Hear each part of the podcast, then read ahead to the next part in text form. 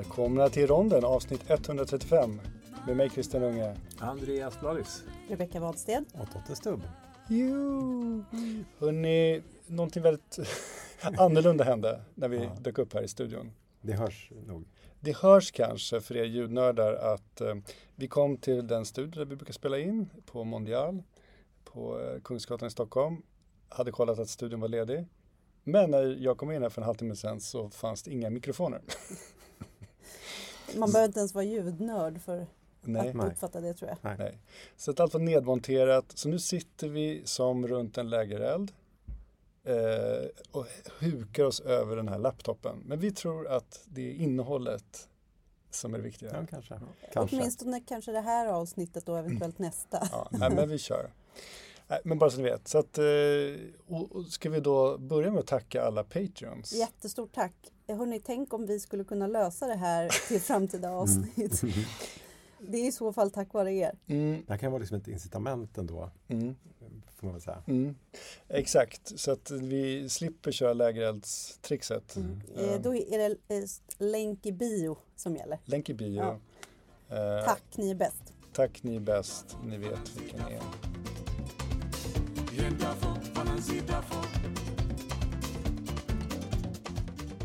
Jag tycker att det är svårt att sätta sig och podda här nu den här veckan efter det som hände i helgen som gick med eh, Hamas attack och eh, slaktande av eh, massa människor i Israel. Och det som har hänt i veckan helt enkelt. Jag, jag har haft jätteont i magen eh, och har fortfarande. Jag känner mig otroligt stressad. Hur känner ni?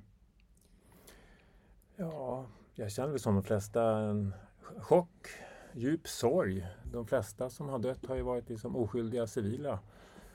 Eh, och ja, av en slump så satt jag förra helgen och kollade på en jättebra serie, en fransk serie eh, om eh, förintelsen som skedde med, via såna Einsatzkommandon. Alltså Mm. Det var soldater som åkte ut och in i byar Ja. samlade ihop eh, judar och ställde dem mass, eh, inför raviner och sköt dem. Mm. Eh, och så, så, så tänkte jag efter att det här är precis samma förfarande. Ja. Man går in, man tar, samlar ihop civila Ja. och man bara skjuter eh, ner dem. Ja. Eh, och det var ja, otroligt eh, obehagligt. Eh, att, eh, och som det har sagts i media, det här är den största det här största judiska eh, massmordet, eller största massmordet på judar ska jag säga, sen förintelsen. Mm. Det säger ganska mycket. Mm. Ja men precis, tankarna tycker jag hela tiden gått till precis de här urskillningslösa mm, mördandet under andra världskriget av framförallt judar. Men också IS, alltså när de hugger halsen av människor eh, under IS-åren liksom. Eh, ja, jag vet, Ja. hålla på att gradera Ja, ondska. man, man tänker också liksom på så här 9-11 och Ja. Bataclan och alla de här liksom, eh, massakerna på oskyldiga som har varit. Liksom. Och det, det är något som man liksom, ja, jag vet inte. Det, jag, jag har haft svårt att se, att, alltså att ens se på nyheterna. Alltså jag Nej, tycker jag att det är jättejobbigt. det. Liksom. Nej, och, så- och, och så Gaza ska bombas sönder och samman och alla människor ska lida och, och, och Ja, många kommer dö. inte- Det är fruktansvärt. Nej. Mm.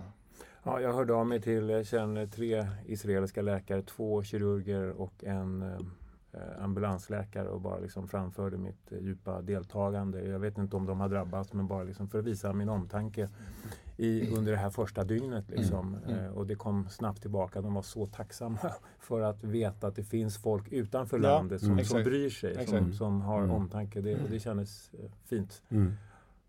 Mm. Eh, bara en sån konkret fråga. Du har inte fått någon förfrågan om att eh, åka på något uppdrag nu? Nej, men jag sa jag skulle sätta mig på första plan om jag, om jag Mm. fick en sån inbjudan och om, Mm. om jag kunde. Men jag tror inte de har det behovet. De som är döda är döda och de har Mm. 2000 skadade. De är otroligt välövade. Israel funkar ju som en modell runt om i världen för hur man ska skala upp sin sjukvård. Eh, De Men nu pratar du om Israel. Ja, nu pratar jag om Ja. Israel. Mm. Skulle du kunna åka till Gaza och jobba nu? Eh, om situationen var säker Mm. så skulle jag kunna göra det. Jag har ju varit i Gaza 2018. Mm det var en rätt skakande upplevelse för det, det, är ett område som är så otroligt präglat av en desperation och uppgivenhet. Som jag, jag har aldrig varit med om det lik någon mm. annanstans. Så visst, om, om jag kände mig trygg med att det var en, en rimlig säkerhet så skulle jag kunna göra det. Mm. Mm. mm.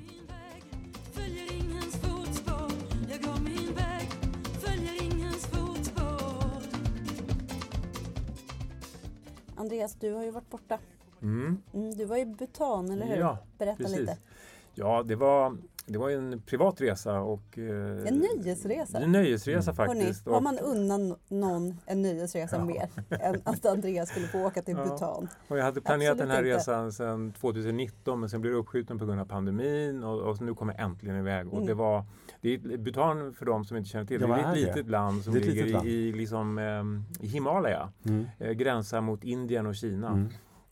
Mm. Och jag hade bett om att få eh, sagt till resebyrån, jag vill komma ut liksom så långt bort ifrån allfarvägarna som möjligt. Jag vill träffa liksom gärna så här nomadiserande människor och sådär. Så att de tog mig liksom till den västra delen av landet och eh, jag träffade inte turister. Inte, jag såg inte Mhm. en enda turist på fem dagar. Är, Jag det, är det ett buddhistiskt Ja, det är ett samhälle? buddhistiskt land det- som följer den tibetanska buddhismen. Så jag Mm. vet inte hur många eh, tempel jag har varit i. Men kort sagt, det är ett jätte, jättefint land. Fantastiskt vackert. Eh, Det är ungefär 700 000 människor som bor där. Eh, och eh, ytan är ungefär 30 000 kvadratkilometer och då kan man ställa det mot Sverige som har 450 000 kvadratkilometer. Så det är ungefär lika tätt befolkat som Sverige. Men väldigt vänliga människor, eh, fina, vänliga, mm, de, många pratar engelska. Andreas, Ja. det här handlar inte om sjukvård, men kan Nej. vi prata lite om maten? Ja, Ja. maten var jättegod. Ja. Det är någon form av konstig mix mellan eh, liksom, vad ska jag, indisk och eh, kinesisk eh, mat. Det Men, låter, o- Ja. Bara tanken Ja. låter otrolig. ja, ja, Har de väldigt några na naturresurser? Liksom? Är det typ så här, exporterar de Ja. bu- butangas? Nej. Nej.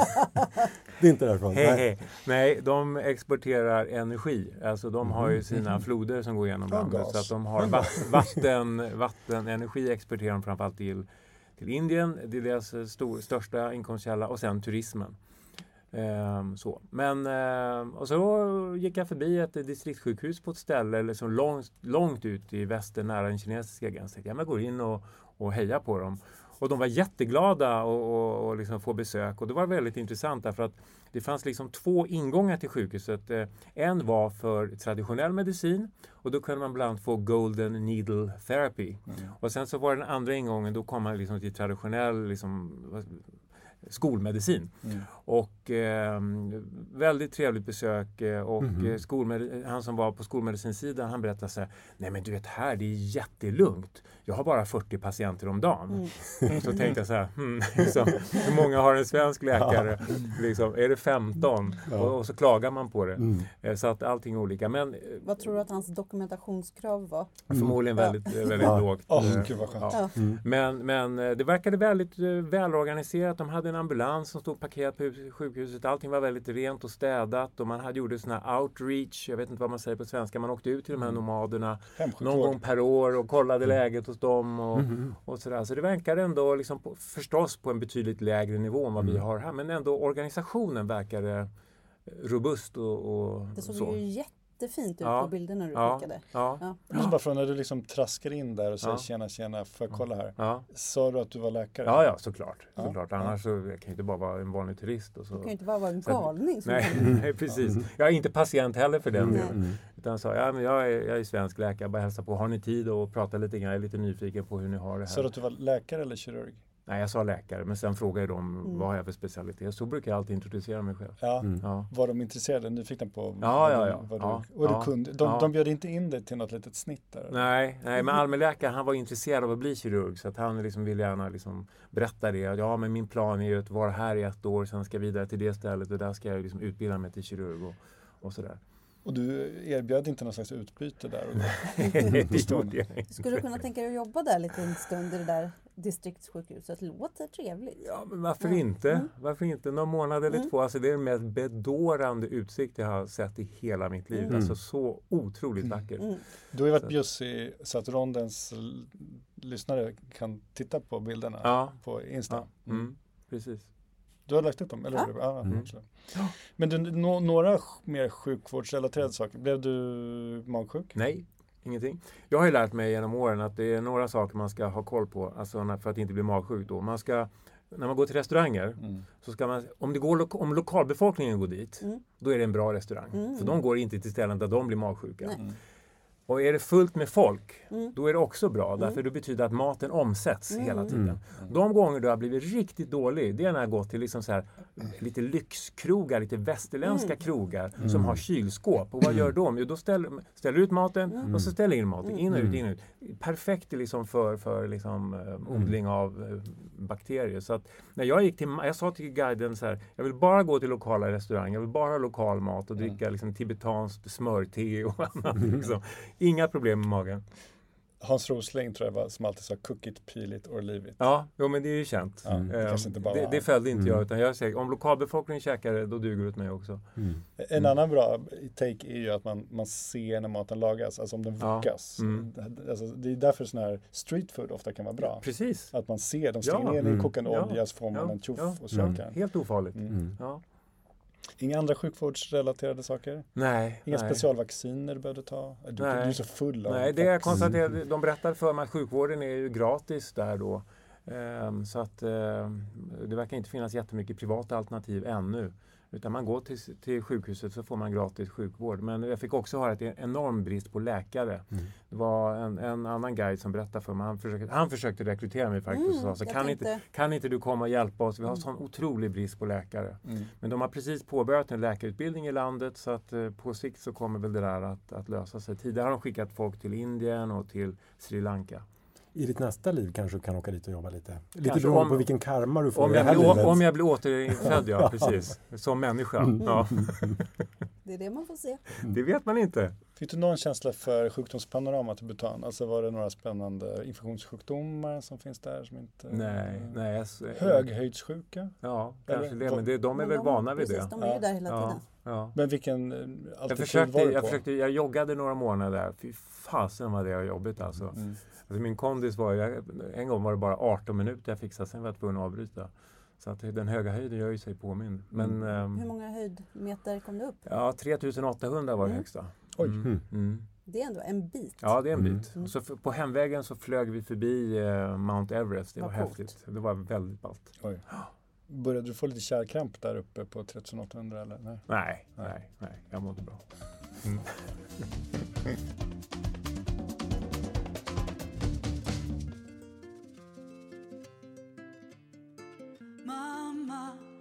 lita på mig. Pappa, lita på mig. Jag såg på tv nu eh, ifrån ja, någonstans i Israel vad, vad gemene man kunde hjälpa till med. Jag menar, det är många som inkallas och är soldater, reservare, 300 000 plus. Men vad kan, liksom, vad kan folket göra? Och då var det långa köer till blodcentralerna. Blodgivning. Mm. Det är en sån här konkret grej man kan göra. Är ni blodgivare? Nej. Jag har för lågt HB. Har du alltid för lågt HB? Ja. Mhm. Mhm. Ja, jag har faktiskt aldrig lämnat blod. Jag, ibland så slår mig tanken så här, varför har jag inte gjort Jag vet faktiskt inte varför. Min pappa tog med mig typ på min 18-årsdag. Mm. Det var mysigt. Mm. Mm. Det- Och sen så brukade vi gå tillsammans och så tävlade vi om vem som eh, kunde fylla påsen först. Och det var ju lite orättvist då eftersom han är då en fullvuxen man och jag var en 18-årig tjej. Eh, så det var han som vann. Mm. Men finns det någon gång i livet som man blir så väl omhändertagen som när man ligger och lämnar blod? När Jag de kommer så- med en smörgås, kan man få lite jag- juice. Jag älskar att lämna blod. Det är en sorg att Ja. jag inte får göra det Nej, men längre. jag älskar det. Jag, jag har Mm. gett över 100 gånger. Mm. Och eh, både plasma, blod, vita blodkroppar, allt möjligt. Och det är, det är ju väldigt mysigt som du säger. Leverpastejsmörgåsen efteråt. Ja, just de brukar jag pausa. Ja, men, men det ost, gör inte jag, Nej. för då tänker jag nu. Men det finns liksom en, det. man går dit, det Mm. finns så många grejer. Man går dit och blir omhändertagen. De är så positiva. De är så jävla snälla. Ja, och så, så, får man dricka någon liten festis Ja. innan för man ska liksom vara Mm. uppvätskad ordentligt. Och så sticker de den grova nålen. Men de är så jävla bra på att ja, sticka. men den är grov. Mm, den är grov. Och sen så ger man blod och känner att men nu ger man Mm. något till Och så är det samhället. åderåtning. Mm. Och Ja, det tror man ju på. det tror man Ja. att det... På, på vad sätt tror man Ja, på på det? något sätt tror man på åderlåtning. Ja. I form av att det känns, jag jag tycker det känns friskt att ge lite. Ja, men framförallt, när man, då Ja. är väl framförallt när man stapplar fram till kassan där Mm. och får välja då Mm. liksom en Ittala Mm. ljusstake Mm. eller två trisslotter. Mm. De skänker man ju inte bort. Alltså man ger inte upp de där. Man vill ju ha något. Men du, för vad, har du aldrig någonsin känt liksom den dubbla tillfredsställelsen av att du både gav blod och sen, Fick något. nej, sen gav bort din gåva Nej, till typ nej, nej, nej. Mm. Välgörenhetspotten? Jag vet inte hur många Ittala ljusstakar jag har Mm. hemma. Men ehm, Ibland finns det inget jag vill ha. Nu, det var ju länge sedan, för jag har ju inte fått Mm. ge på väldigt länge. Men eh, Men det är också en bra sådär liksom, Mm. hälsocheck att man har ett Klara- helt normalt HB Ja, och inte HIV eller hepatit. Ja, Mm. Exakt. Kollar de alltid? Gör gör de. Så här, kollar de så här natrium, kalium? Nej, det gör de inte. Utan Jag, det är bara eh, smittämnen? jag har ju ett, Ja. eh, en bakgrund som biomedicinsk analytiker. Mm. Och då har jag jobbat på transfusionsmedicinskt labb. Mhm. Mm. Så jag vet ju en del om Mm. vad man gör med det där Mm. blodet. Så att, vad, vad är det man kollar då? Det är HB, blodvärdet Ja, och det är, Och sen är eh, det hepatit virus, och HIV? eh, halloj. Ja. Det är det, Ja, tror jag. okej. Ja, och det gör man varje gång, så att, eh, även om du var smittfri förra gången så kollar man alltid? Som jag minns det, men det var ju, gör- det var ju tio år sedan jag Ja. jobbade där. Ja. Men det Ja, måste de nej, göra. det Ja. måste de göra. Må- Ja. det absolut. Mm. Mm. Blod. Det Ja. känns ju som att vem har mest på blod här? Det måste ju vara Totte. Det måste ju vara det. Jag? Ja. Ja.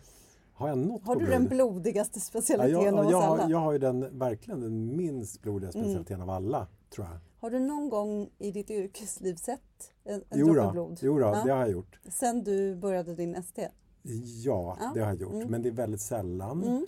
Har du Eh. svim, känt svimningskänslor när Mm. du... Jag har faktiskt aldrig... Jag har inte känt svimningskänslor av blod. Nej, det har jag inte. Jag har däremot känt det ibland på ah, vissa operationer har gjort det. Mm. Men Mm. inte egentligen blodet som Mm. jag reagerar. Det är andra saker som Mm. jag Men reagerar du, på. det där är intressant, för jag må- jag måste passa på att fråga Mm. dig då som psykiatriker. Varför är det så många som känner just svimningskänslor i samband med operation? Är det blodet eller situationen? Eller Mm. vad, vad tror du är... Alltså det här, eh, om vi nu tar, om vi tar det då, liksom Mm. blodfobi Mm. eller liksom hemofobi eller, och, och som också hänger ihop lite med sprutskräck. Mm. Det, det liksom är ju en, tillhör liksom diagnosgruppen specifika fobier. Så det är liksom ett ångestsyndrom inom psykiatrin. Det här behandlas nästan alltid på vårdcentraler. Det är liksom inte vi. Vi har inte så många patienter med blodfobi sådär, utan Alltså vi i psykiatrin. inom psykiatrin. Mm. Utan på vårdcentralerna behandlar man det här oftast. Mm. Det är ju det, det man tänker det är ju liksom att vissa har liksom en, en högre liksom känslighet och sannolikhet att svimma. Det som är speciellt med den här fobin, om man jämför med andra fobier, det här är helt unikt för blod och sprutfobi. Mhm. Vanligtvis vid fobier, vad händer då? Man får ångest. Mm. Vad händer när man får ångest? Man får eh, Hjärtklappning? takykardi, Mm. hög hjärtklappning, blodtrycket stiger, Mm. man svettas. Mm. Det sympatiska nervsystemet kickar igång. Mm. Och det som händer vid blodfobi och sprutfobi, det är att det händer först, men därefter Då blir man rädd. så kickar det parasympatiska systemet igång. Det är vagusnerven som Mm. blir superaktiv. Mm. Sänker blodtrycket så pass så att man trillar omkull och svimmar. Mhm. Mhm. Och det här måste ju finnas någon form av evolutionär I- betydelse eh, eller bakgrund. Det finns idéer om det. Ja. En idé är eh, det här till exempel att man att den här freeze-responsen Mm. som man kan få vid, liksom, traumat, eller vid liksom, Mm. stora katastrofer, att man bara fryser och liksom spelar död. Mm. Det är liksom en evolutionär hypotes. Och en annan är ju att man, om man liksom upptäcker blod på sig själv, att blodtrycket sjunker så att man lägger sig ner och då Mm. liksom ska blod, blodflödet stillas och liksom koaguleras snabbare. Så det finns lite, jag vet inte om de stämmer, Mm. men det är i alla fall liksom de tankarna som finns. Men det här Mm. innebär ju att ni vet, när man behandlar en fobi, Mm. om någon är flygrädd, Mm. vad, vad gör man då? Då ska- Exponera. Man exponerar för en Kontrafobisk flygresa. Exakt, kontra, precis. Så Ja. att det är liksom allt det man gör. Mm. Men att visa blod för en blodfobiker innebär ju bara att de svimmar. Det så, det blir liksom ingen Men exponering. även sprut, det- för du sa att de har, hör Ja, exakt. Det är samma med sprutfobi ungefär också. Alltså man ska inte då hålla på och liksom, Jo, man, alltså man ska exponera. Ja. Långsamt måste man väl göra det då? Det man gör, Mm. det är att man jobbar med, ni vet vanligtvis så jobbar man med så här tillämpad avslappning kan man jobba med. Att man liksom, ja men ni vet, går in i sig själv och Mm. jobbar, försöker sänka pulsen och allt sånt där. Mm, mm, mm. Så här Mm, jobbar man med tillämpad spänning, Mm. vilket innebär att Ah. Man visar blod för någon. Mm. Personen ska samtidigt då spänna Mhm. alla benmuskler, Mm. Mhm. bukmuskulaturen, armmusklerna Mm. för att höja blodtrycket. Gud, och, håll- och då håller man sig ju Mm. Mm. så att säga Mm. eh, Vaken. vaken. Mm. Och då kan man liksom exponera för det. Mm. Men så att den, den vanliga behandlingen vid blodfobi och sprutfobi, det är precis det. Tillämpad spänning, Ja men coolt. Eh, och sen naturligtvis de här vanliga, att man är liksom uppvätskad att man Mm. liksom, och så vidare. Men då kan man fråga sig varför måste man bli av med en blodfobi?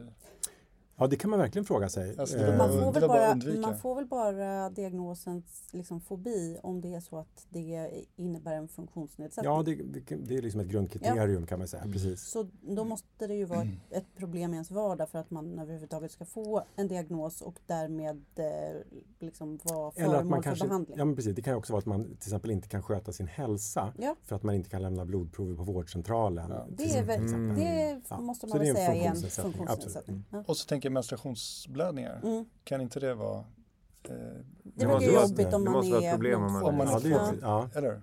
det är mycket Alltså, det- tillämpad spänning då. Mm. Ja men då kan man verka, tänka sig att det, det är motiverat att Nu känner jag att alla blickar kom till mig. Hur blev det så?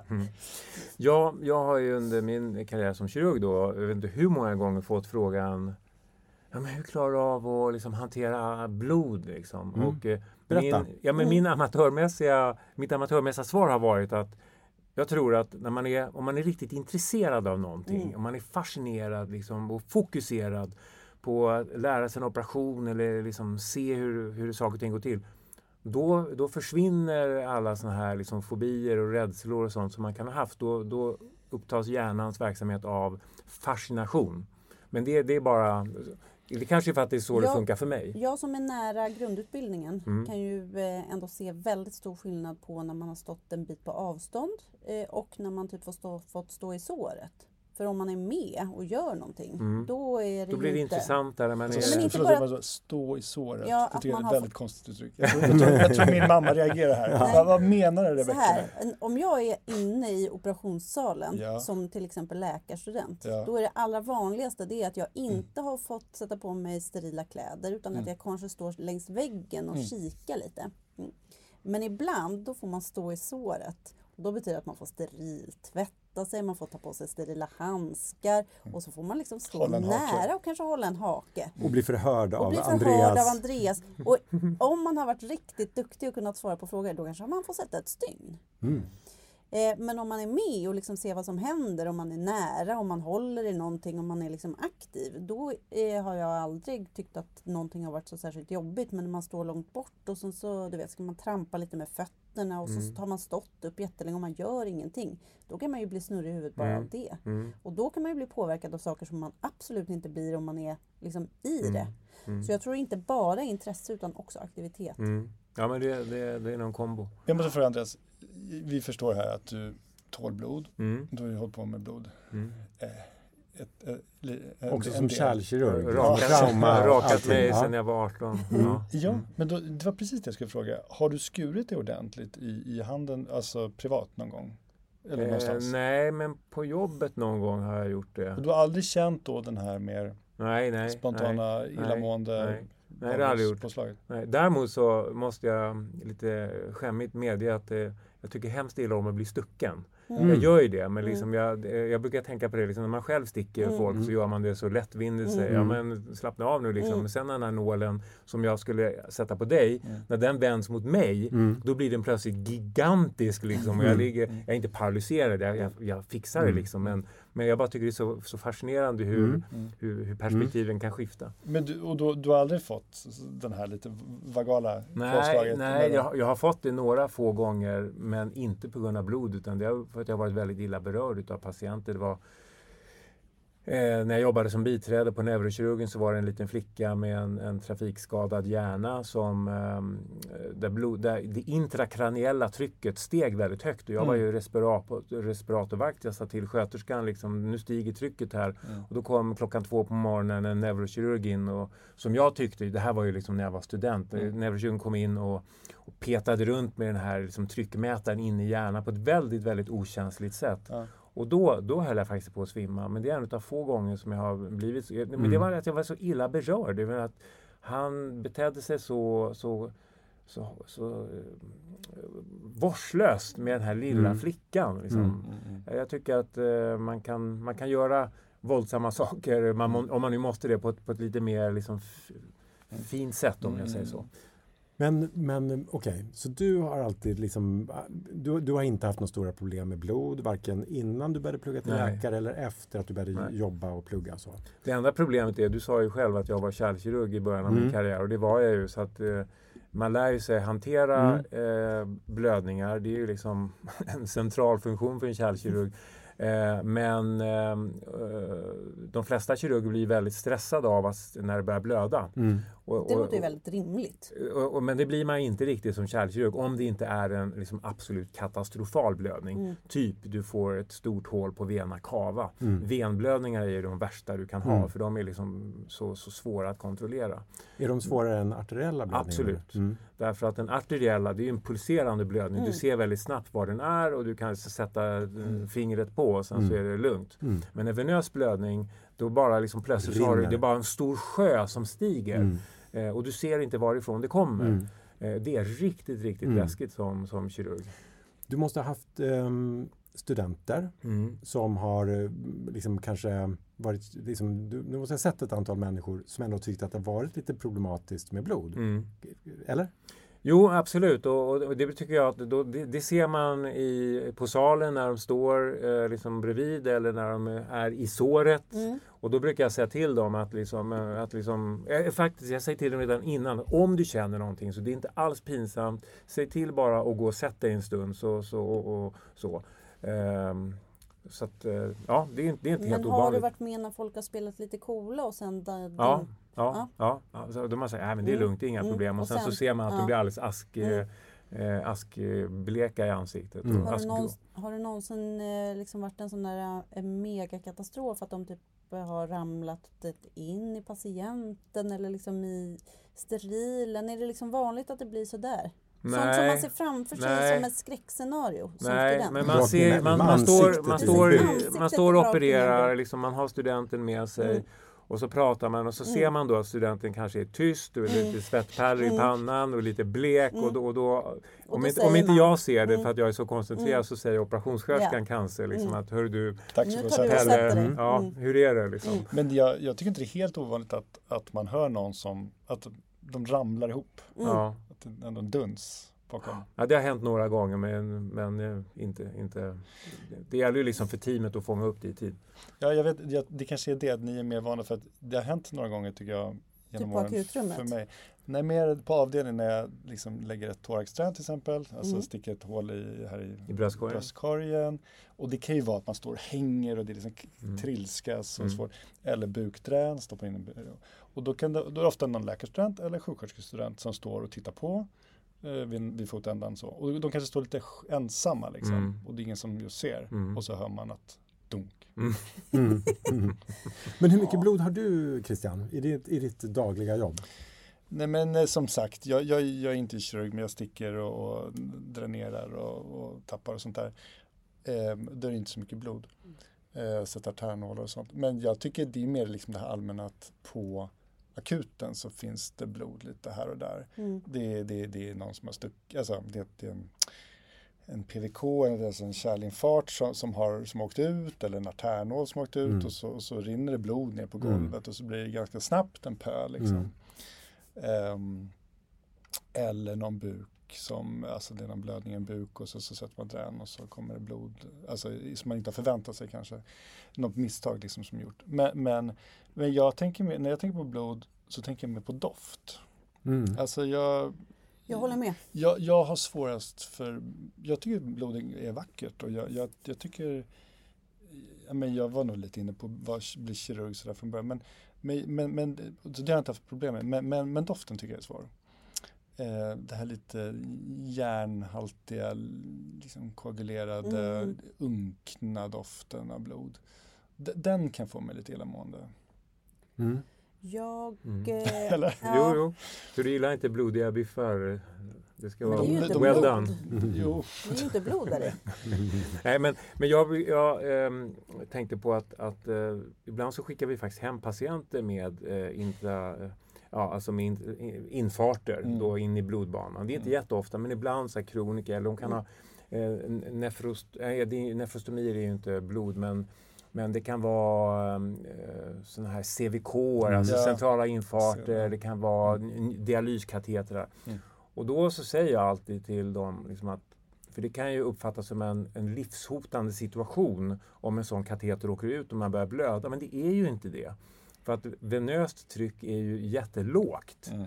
Eh, vad är det Christian? Det är 12 millimeter Mm. kvicksilver liksom. Ja, Så att jag brukar bara säga, Mm. lägg en hand, ta ett par kompresser, lägg en hand på och ha tålamod. Mm. I nio fall av tio kommer sluta blöda och gör inte det, då kommer du in så hjälper vi dig. Så att det är ju det är inte farligt, men det, är- för det är det som jag tror bidrar till den här Mm. eh, fobin, liksom det att det är livshotande för att det kommer eh, blod. Mm. Mm. Mm. Mm.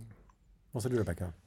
Eh, nej men jag bara tänkte på det här med doften. Ja, Eller lukt som jag kanske skulle säga. du menar att doften har gått? Ja, Ja, okej. lukt är lite Ja. mer neutral. Odören? Nej men bara att eh, på, på eh, ortopedakuten så, så träffade jag en patient som hade ett väldigt stort hematom, alltså som ett blåmärke som man behövde tömma. Mm. Eh, och det är en väldigt speciell lukt. För då har det stått där ett Det har tag. stått där ett tag Mognat. och sen att man liksom öppnar med, Ja. man gör rent ett ordentligt. Man öppnar med en kniv och sen så måste man liksom få ut det där på något sätt. Om Ja. man ska skölja eller liksom Ja. upp. Ja. Det, den lukten tänkte jag eh, osökt på när du pratade om Ja. bloddoft. Och det är väldigt speciellt med en sån gammal blodlukt är liksom delvis nedbrutet och in- inte. Och så. Mm. Men, men jag tror, en, var inte den första frågan som alldeles besvarades, kan man bli läkare Mm. och Mm. eh, ha svårt för blod? Det, det är en intressant fråga tycker jag och, Mm. och en följdfråga på det är ju så här, är vi avtrubbade? Mm. Mm. Liksom. Mm. Eh, I någon mån är vi ju det. Mm. Eh, liksom, och kanske på ett bra sätt. Inte Mm. bara gällande blod utan s- att se skador, att stå Mm. ut med att se en massa Mm. skit. Men- som Mm. så då. Och, eh, eh, Ja, men så. jag tror det var min dotter som sa för inte så länge sedan att jag skulle aldrig kunna bli läkare som mamma och pappa är för att jag tycker illa om blod. Mm. Det är ju liksom en, en Men ganska vanlig man tycker grej. väl illa om många saker och det kan man ju lära sig att Ja, hantera. och frågan är hur mycket blod utsätts man för? Jag skulle Fråga säga mig. inte så mycket. Ja. man, kan do, man kan Om- ducka man kan Ja, mycket. Man kan ducka blod, verkligen. Absolut. Otroligt bra. Ja. Alltid ta tre steg bak och Mm. inte vilja vara den som Ja. sätter den där PVK eller liksom. Det går ju Man kan ducka hela Ja, ja, I princip hela läkarprogrammet. Mm. Och jag tror också så här, det, det här är en ganska enk, en lättbehandlad fobi. Det är ungefär som så här spindelfobi, ni vet. Det är Mm. världens mest lättbehandlade tillstånd Mm. egentligen, om vi nu pratar om den riktiga blodfobin. Mm. Mm. Alltså att det är obehagligt med blod, det kan ju alla tycka. Men Mm. jag tror så här, det finns inget hinder för att jobba inom vården Nej. eller som läkare, även om man har den svåraste formen av blodfobi, för det går liksom att behandla, precis som flygrädsla eller Det- vad som helst. Precis, liksom. det är enda som står i vägen det är om man inte vill bli av med Ja, sin blodfobi. Exakt, det är något annat. Mm. Ja, men, Ja. Så om man Ja. är sugen på att bli av med Gillar den. man den, Jag Det, här, det, här, det här vagala ja, påslaget. exakt. Gillar man det vagala Ja. påslaget, Men, ja. men vänta nu, stopp. För då, då är det ju inte fobi längre. För att du sa att det var en funktionsnedsättning. Det är avarter. Jag, jag har några små fun facts om Mm. blod. berätta. Mm. Eh, kroppen producerar vet, 17 miljoner blodkroppar per sekund. Va? Ja. Helvete. Alltså det, vi snackar miljarder blodkroppar. Så 17 miljoner per sekund. Och det där kan, man öka, kan kroppen öka till sju gånger så mycket vid behov. Alltså då Jag man, blir jättestressad av att höra det här. Ja. Vad är det som pågår Det här pågår hela säger tiden. så- Precis. ja, men jag, säger, Jag har inte sagt ja till det här. nej, men då, det där tycker jag är så fascinerande. För, och, och, eh, vi, vi träffar ju väldigt många patienter, jag, säger jag Rebecka, Mm. för du, det känns som att det är vi som är medicinarna här. Ehm, nej men på akuten som kommer in med, med blodbrist av olika skäl, anemi. Och det tycker jag är en spännande patientgrupp därför det kan finnas allt, allt och inget bakom den där anemin. Det vanligaste är en sån här järnbristanemi, att det blöder någonstans ifrån, tarm vanligast.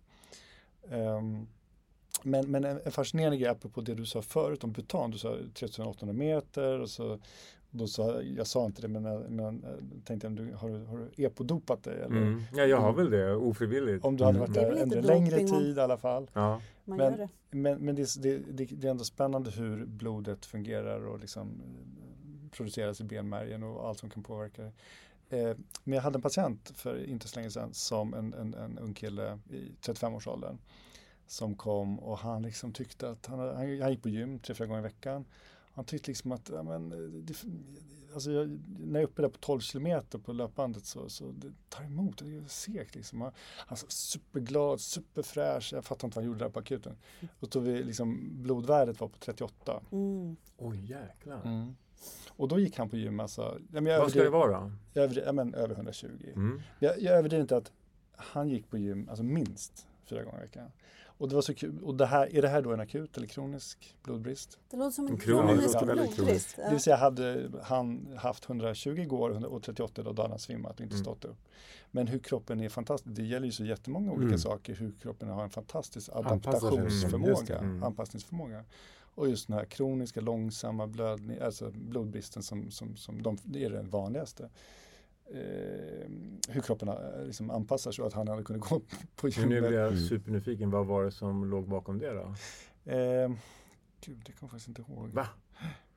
Det är en extrem eh, Ja. anemi. Men 38, jag- jag, vet inte om jag Jag någonsin har ju sett varit Jag på liksom, medicinakuten ganska kort och jag tycker ändå att jag har liksom, träffat en handfull som har haft runt 40. Mm. Mm. Det vanliga är ju Mm. tjejer. Mm. Mm. för dem och det är rikliga menstruationsblödningar. Mm. Eh, Och så det- det är lite Kan det ovanligt gå med så killar. långt? Ändå, Ja, alltså. det kan det göra. Och det, det vanligaste är ju kill, eller det är ovanligt med killar, då, där en sån ung kille har ju någonting. Mm. Ja, det Alltså- är det jag menar. Alltså eh, någon, något magsår, blödning i tarmen, Mm. någonting. Eller kanske någon dietär sak, alltså Mm. en uh, upptagningsbrist så att Mm. byggstenarna inte finns för blodet. Ehm, Intrinsic. det, det var en grej. En annan grej som tycker jag är fascinerande, det är, vet ni hur många blodpåsar blodcentralerna i Sverige får per år? Nej. Jag tycker att jag borde veta det då eftersom jag har Ja. jobbat där, men det gör jag inte. Nej, 358 000 per år. Mm. Eh, och det går till 86 000 patienter. Det vill säga att eh, det be- betyder att i de flesta fall så är det, det är få patienter som får många påsar blod. Mm. Och det är väl du som står för det i dina Den liksom, konsumtionen. traumaolyckor. Nej, men det är Ja, hematologens det- det finns patienter som mycket får att- Ja, just mest. det. Det finns mycket Det- att säga om, om ordination av blodpåsar för vi vet ju alla liksom, att det är väldigt slentrianmässigt. Liksom, har man blodvärde under 80 då, Mm. man säger till syrran innan man går hem, och liksom, aha, om blodvärdet sjunker under 80 så sätts två påsar. Det finns ingen evidens för dels att man ska göra det Nej. vid 80 just Mm, och mm. definitivt inte att det ska vara två påsar. Mm. Så att det slösas enormt med det här så? blodet. Så, Och, ja, vad, ja, ja. och vad, är då, vad är då riskerna med att ge blod, Andreas? Ja, det är ju att man kan få, att få massa, blod. massa antikroppar. Mm. eh, som eh, kan vara störande. Om inte akut så på, på längre sikt. Är det inte så? De är finns framför allt störande om man ska få blod igen. Mm. Mm. Mm. Ja, men. Men sen finns det ju saker som vi inte vet. Exakt. Mm. Mm. Jag menar, om vi backar bandet innan HIV, innan Mm. hepatit framför Mm. allt. Där fin- Mm. fanns det ju en sån Mm. spridning. Men Mm. jag tänker det finns mycket immunologiska grejer Exakt. i blodet som vi inte har någon koll på. Exakt. Mm. Så menar, där är lite oskuret det bästa. Det vill Mm. säga, hellre inte få en Mm. påse blod Mm. än få en påse blod. Mm. Det tycker jag är ganska lätt att sälja in till patienter också. För Ja. ibland så skickas ju patienter till akuten eh, från till exempel vårdcentralen när man har hittat ett lågt blodvärde och de säger, eh, du vet, skickar in med en remiss med frågeställning, liksom blodtransfusion. Ibland, Ja, förlåt jag bara ganska ofta. många patienter På fredag eftermiddag. Ja, Mm. Eh, och då kommer patienterna med eh, en förväntan om att de ska få lite blod. Exakt. Eh, och då tycker jag att det ändå går väldigt bra att berätta för dem varför jag tycker att vi ska låta bli. det tycker jag också Mm. Rebecka. Jag håller helt med dig där. Och där kan jag tycka verkligen att det är synd att inte ASI och läkarna, distriktsläkarna, vilka det är nu som skickar in patienterna, inte kan ta det snacket tidigare. Eh, när patienter kommer och är relativt opåverkade och har jag, Mm. 78 i, Mm. i HB. Ja men eller för den delen liksom 65 Ja, och mår bra. och mår bra. Ja. Ja. Och är och är en 43-årig Ja. kvinna Mm. mår bra. Liksom. Så ni går och lämnar blod på fritiden, sen kommer ni till jobbet och så Mm. vaskar ni det här Mm. blodet som ni har lämnat en dag, en dag tidigare. Nej men jag, jag måste bara säga, det är kanske lite nördig grej, men jag har fått mer och mer res- respekt för att ge blod. Inte bara av den, liksom, man har ju blivit mer restriktiv med åren eh, generellt i, i, i sjukvården av de skäl som ni har tagit upp. Men jag, lite mer akut, har jag också liksom ändå varit med om något fall per år senaste åren då man just slentrianmässigt har gett de där två påsarna blod som du säger och patienten fått lungödem. Alltså Mm. blivit övervätskad. Det är Mm. därför att om du ger en påse vätska i, i, i, in i, i kärlet, det vill säga en sån här ringer eller alltså, någon, man Saltvatten. intorkad, saltvatten, Mm. tack. Mm. Då, då stannar inte alltid kvar i blodet utan det diffunderar ut i 75 interstitiellt. procent försvinner väl? Ja. Mm. av en påse blod så stannar ju en påse blod. Exakt. Och det ger ju liksom en, en, en stor belastning på det vill säga blodkärlen men framförallt då på hjärtat Mm. och sen till lungorna. Så har du lite hjärtsvikt eh, och ger de där två påsarna blod så är det ganska lätt att putta in patienten i ett lungödem. Mm. Och det där är en grej som jag inte tror, det är många unga läkare liksom som, som, som inte tänker på det och säger ah, två påsar blod. Mm. Så det tycker jag, det, det är så här, det, det ska vi bli av med. Mm. Två påsar blod. Mm. Precis. Mm. Hörrni, hur mycket blod har man eh, i kroppen då? Per kilo? Per kilo. Mm. Det var svårt. 4-6 liter vet jag men jag vet Mm. inte per kilo. Jag, när jag skrev min doktorsavhandling så fick jag ju lära mig det där att det är Mm. 65 milliliter Mhm. per kilo. Per kilo. Eh, Så man kan Mm. man räkna ut hur, ungefär hur mycket blod man själv har. Mm. Mm. Det är bra. Mm. Fan vad härligt det var att prata om blod. idag. Ja. Sista fun ja. fact. Ja. Vilken färg är det på krabbors blod? Oj! Jag hoppas någon spexig. Är det grönt? Blå. Fan, Mm. De har Kungliga. blod. Mm. ändå snyggt. Och krabba som är så gott. Mm. min Det här med dojor på jobbet. Ja. Um, alltså där jag jobbar, jag eh, kan ju liksom, jag går ju, jag går ju så att säga civilt klädd. Mm. Jag har liksom ingen, inga scrubs på mig och jag kan liksom gå i antingen liksom randsydda skor från Northampton eller jag kan gå i ett par Nike. Jag kan välja helt Mm. fritt. Ingen kommer liksom eh, tänka så mycket på det. Men ni som jobbar på sjukhus, där finns det ju koder kring Det finns väl koder inom psykiatrin också? Nej, det ska jag inte säga. Det är mer liksom vem man är som person. Okej. Liksom, så. Men i er värld, då är det här en ganska stor grej, eller hur? Vad man har på skorna, eller på fötterna. Vi har inte så mycket att jobba med som du. Alltså precis som du säger, då, de, de har ju skorna, vi har, jag ser Andreas har ett eh, armband på sig, Det får han ju inte ha på inte jobbet. ha på jobbet, med glasögon. Alltså vi har ju några Det är ju små detaljer. Ja, strumporna. Och det är ju en väldigt tydlig, alltså om man har plöja strumpor, Mm. då tas man ju för sjuksköterska. Just det. Ja. Ja, för det är en Aha. sjuksköterskemarkör. Mm. Okej. Ja. har Ehm, så då är det skorna som man har kvar då. Mm. Men ni har liksom inga riktlinjer för vilka skor ni får ha, eller hur? Nej, nej, Nej. Det är det enda man får Mm. välja själv. Ja, exakt. Och då blir ju Ja, det markören absolut. för Mm. vem man Mm. är. Mm. Mm. Mm. Och då vill jag fråga Mm. Dig Andreas, vad är du för någon skokille på jobbet? Varför måste jag Ja, outa men det jag vill höra. Ja. Alltså, Alltså har du de här skorna på dig? som Jag fram, framstår ju som då den här eh, stofilen, eh, dinosaurien som jag då börjar bli. Eh, nej men jag, alltså när jag började, eh, då var det ju Birkenstock som gällde. Mm. Vilken Men det gör du ju modell? fortfarande. Ja men de här öppna, Ja. de har ju blivit trendiga. Ja. Min dotter har ju liksom ja. det där. Men, men jag, Det är väl inget stofilt? Jo men det är inte så många som har det längre. Okej. Men jag tycker det är rätt skönt för det är luftigt och varmt. Problemet är när man opererar. Mm, Och då spiller fråga. det rätt Mm. ofta. Och, Mm. och mina, eh, jag hade ett par på Södra sjukhuset, de var inte jättefräscha. Mm. För att Birkenstock, alla vet ju det, de, Mm. det är liksom så här, det är ju någon form av mocka liksom, Ja. det absorberar Ja, ju Ja, allting. och sen Det är inte bara, kork, en kork... Ja, men eh, Ja, korksula. Ja. men de, jag tycker de är otroligt sköna. Att eh, de är liksom ergonomiska. Fast och det är de ju är- inte, de är ju platta. Jaha, jo, de nej, det finns en sula som, som liksom går upp under, under hälen. Ja, eller för fotvalvet. Berätta lite vad du har för skor då. Ja. Det är fortfarande en väldigt platt sko. Men berätta lite vad Som du har för skor Christian. Jaha, men vad ska jag ha Vad då? har du för Du, du måste ha hucka. Nej, men det, där, det där är helt Det där är fascinerande. Ja, nu har ju alla det. För mig finns det ett före och efter Ja. hucka gympaskor. Okej. Nej men alltså på riktigt. Ja. Jag, Jag jag, jag tror inte jag skulle dem. kunna jobba. Men har du pratat om det i podden förut? Det vet jag inte. Nej. Berätta nu varför. Är det just det märket eller är det liksom Har vi spons från? Hoka? Och är Ja, ja, livsstil? precis, är de Vi borde fan ha det. Tyvärr inte, men jag, så, så att det, jag, jag, körde, jag körde träskor såna här ni vet som, som är då täckta fram Mm. i, i vita Ja. förut. Mm. Mm, Fast mjuk sula. Mm. Det finns ju de som Så gummisula Lite ja. mjuk. Så att det inte Mm. låter så mycket. Ja, Ja. de är helt okej. Men, men, men sen jag började med riktigt stor, alltså såna här, stora dämpningar på de Mm. här stora, tjocka sulor. Så, så mår jag bra i höfter, knän och jag liksom studsar fram. Det blir liksom en lätthet i korridorerna. Alltså det, det är jättemycket roligare att jobba nu. På riktigt. Jag har Mhm. liksom flera Mm. par. The Hoka-effekt. Mm. Mm, Okej. Mm. Vad kör du Rebecka? Eh, nej, men när jag jobbade på psyk så körde jag ju en klassisk psyktoffla, Docksta. Mm. Psyktoffla. Du, ja, det är en, Berätta. det är Docksta-toffla. Ja. Mm. Jag är vet inte vad det är för någonting. Jo. Men det är en liksom Också en läder, den är en jättefin eh, träsko. De är Mm. Men det är fin. träsko, Mm. okej.